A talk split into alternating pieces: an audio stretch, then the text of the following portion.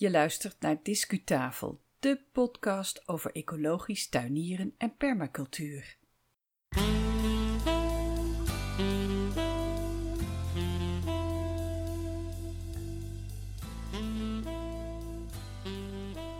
Hey, leuk dat ik je mag begroeten als luisteraar van Discutafel podcast. Wij maken groene audio voor hobbytuiniers en groene professionals en ieder ander die geïnteresseerd is in groen. Vandaag is het 5 december 2019 en dit is de 64ste aflevering. En je hoort nu de stem van Yvonne Smit. Ik doe zo'n beetje alles wat nodig is om de podcast uit te brengen.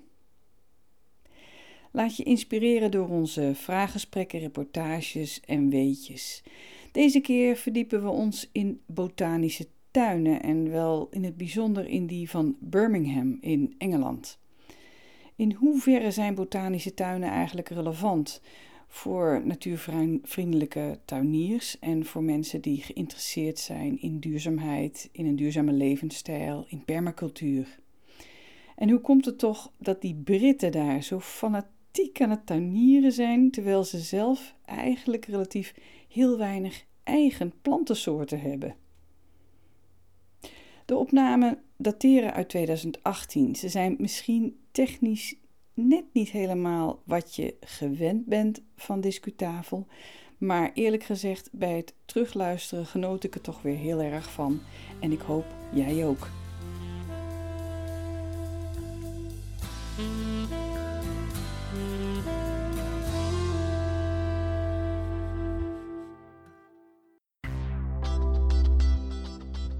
Discukennis.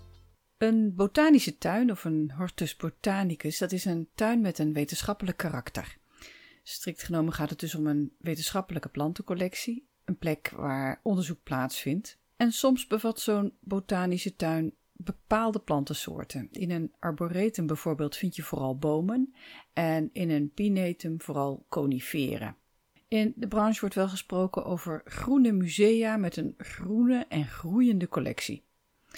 De planten in een eh, botanische tuin zijn dan ook vaak voorzien van bordjes met Latijnse namen. En misschien kan jou dat minder boeien, maar mij juist wel. Volksnamen kunnen voor veel verwarring zorgen, omdat ze per regio kunnen verschillen. Zeker wanneer ik in het buitenland ben of ik lees Engelse teksten, dan zegt de Latijnse naam mij ondubbelzinnig over welke plant we het hebben. In juni 2018 bracht ik tijdens een reis in Engeland een bezoek aan de Birmingham Botanical Gardens. Mijn hooggespannen verwachtingen kwamen helaas niet helemaal uit. Ik zag tekenen van verwaarlozing van de kassen en het buitengedeelte dat had wat mij betreft meer weg van een fijn stadspark dan van een tuin waar onderzoek en voorlichting centraal staan. Maar aan de andere kant, Birmingham is de tweede stad van Engeland en in een zo groot stedelijk gebied is toegankelijk groen natuurlijk geweldig. Luister de komende minuten naar een fragment waarin ik door de kassen wandel in deze Birmingham Botanical Gardens. Een rondje door de Birmingham Botanical Gardens. Deze tuinen staan bekend om de kassen en we komen bij de entree al meteen binnen in de Tropical House. Rondom een uh, ronde vijver waar uh, ik denk heel grote goudvissen, gevlekt oranje, witte, zwarte goudvissen in zwemmen. Er staan allerlei heel grote tropische planten. Maar wat wel erg opvalt is dat de kas zelf toch wel een onderhoudsbeurt nodig heeft. Want het roest heel erg en het glas is vlekkerig. Erg jammer.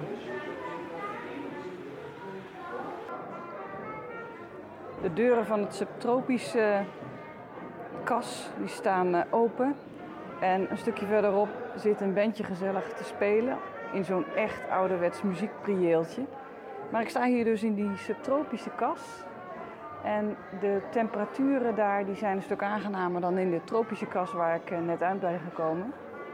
De temperatuur is eh, in de winter niet beneden de 10 graden en in de zomer niet boven de 27 graden. En ook de luchtvochtigheid is een stuk lager dan in de tropische kas.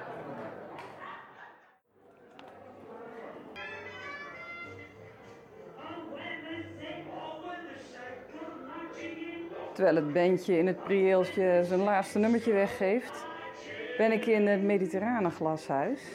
En de kleuren spatten er vanaf. Ik zie één plank met honderden geraniums. Bijna allemaal in roodachtige kleuren, soms wat roze. Midden boven de, uh, net, zeg maar net onder het dak, is volgens mij bougainvillea. En aan de andere kant, een, ook weer zo'n ontzettend lange plank. Paarse bloemetjes en gele bloemetjes die ik niet allemaal direct thuis kan brengen. Behalve dan de begonia, die rood is.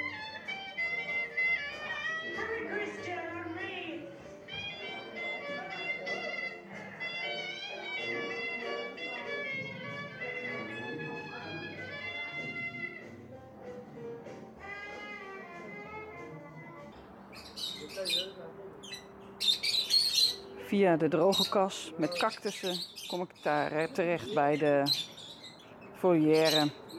En daar zie ik halsbandparkietjes en ik hoor ze vooral. Nu kan je je afvragen hoe relevant botanische tuinen en hun halsbandparkietjes eigenlijk zijn voor ons natuurvriendelijke tuiniers en geïnteresseerden in permacultuur.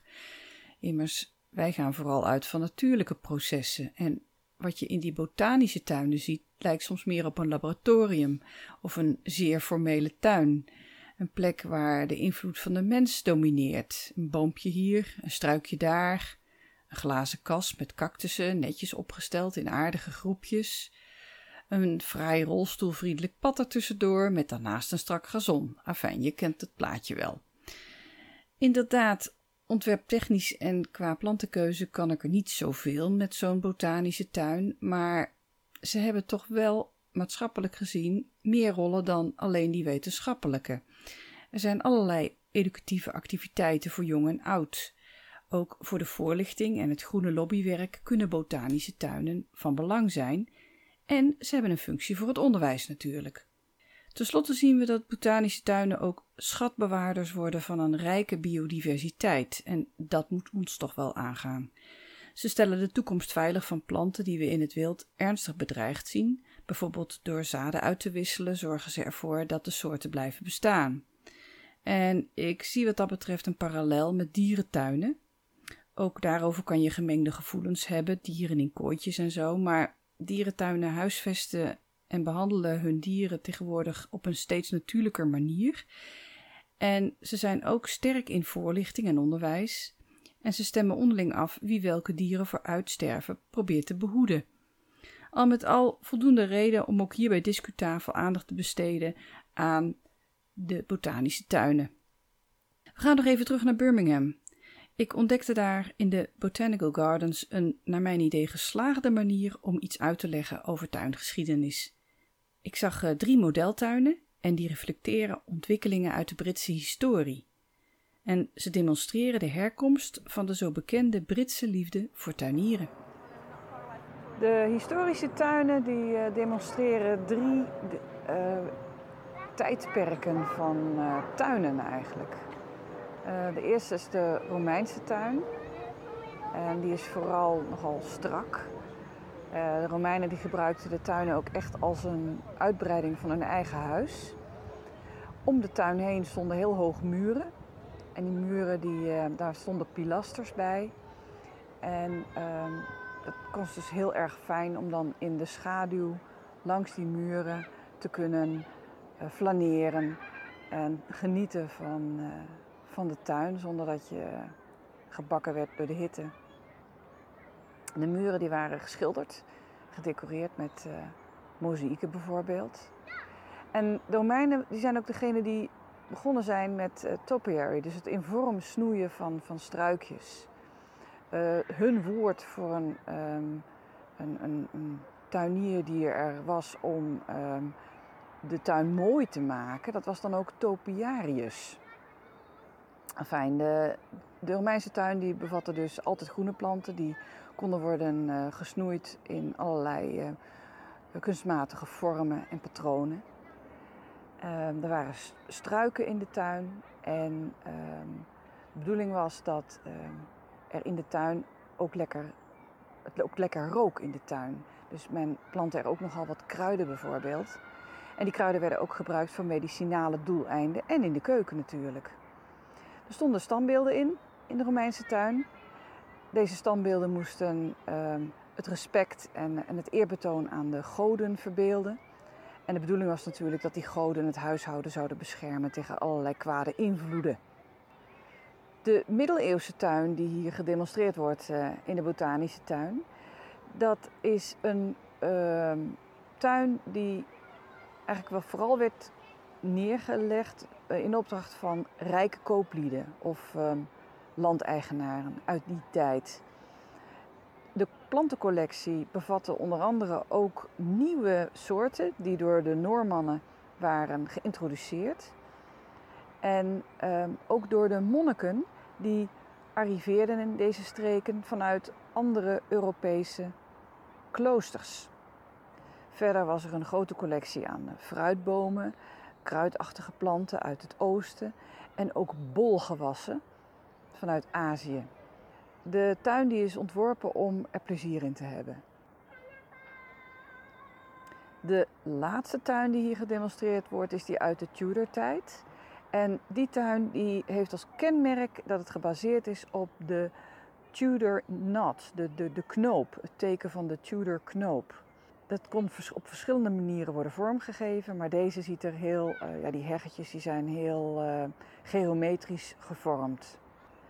Tussen die heggetjes werd dan uh, gravel neergelegd, maar in, in Tudor tijden werden ze ook vaak opgevuld met die, die, die, die gaten ertussenin, met, met kruiden of met bloemen. De Tudor-tijd was ook de tijd dat er veel ontdekkingen werden gedaan. Dus ook hier weer veel nieuwe planten die werden geïntroduceerd in Groot-Brittannië. Op het eh, bord bij de historische tuinen wordt ook een verklaring gegeven voor het feit dat Groot-Brittannië zo bekend is geworden vanwege die, die liefde voor het tuinieren. Wat hier staat is dat eigenlijk de oude Egyptenaren eigenlijk al uh, tuinen maakten met bloemen en met bomen en met uh, uh, plantenbedden en met vijvers. En dat, dat oorspronkelijke ontwerp van die tuinen, die is van tijd tot tijd verder ontwikkeld. Maar wat veranderd is, dat is de variëteit en het aantal van planten die in de tuin staat. En die variëteit en die aantal van die planten, dat is een, eigenlijk reflecteert dat ook de um, historische gebeurtenissen in de, in, in de menselijke geschiedenis. De Romeinen en de Noormannen die zijn naar Groot-Brittannië gekomen, die hebben allerlei nieuwe planten meegenomen vanuit hun eigen thuisland. En omgekeerd gingen de Britten op pad om oorlog te voeren of ontdekkingsreizen te doen. En ook zij brachten weer nieuwe planten mee terug. En daardoor heeft Groot-Brittannië zo'n liefde voor tuinen ontwikkeld en zo'n kennis rondom tuinieren.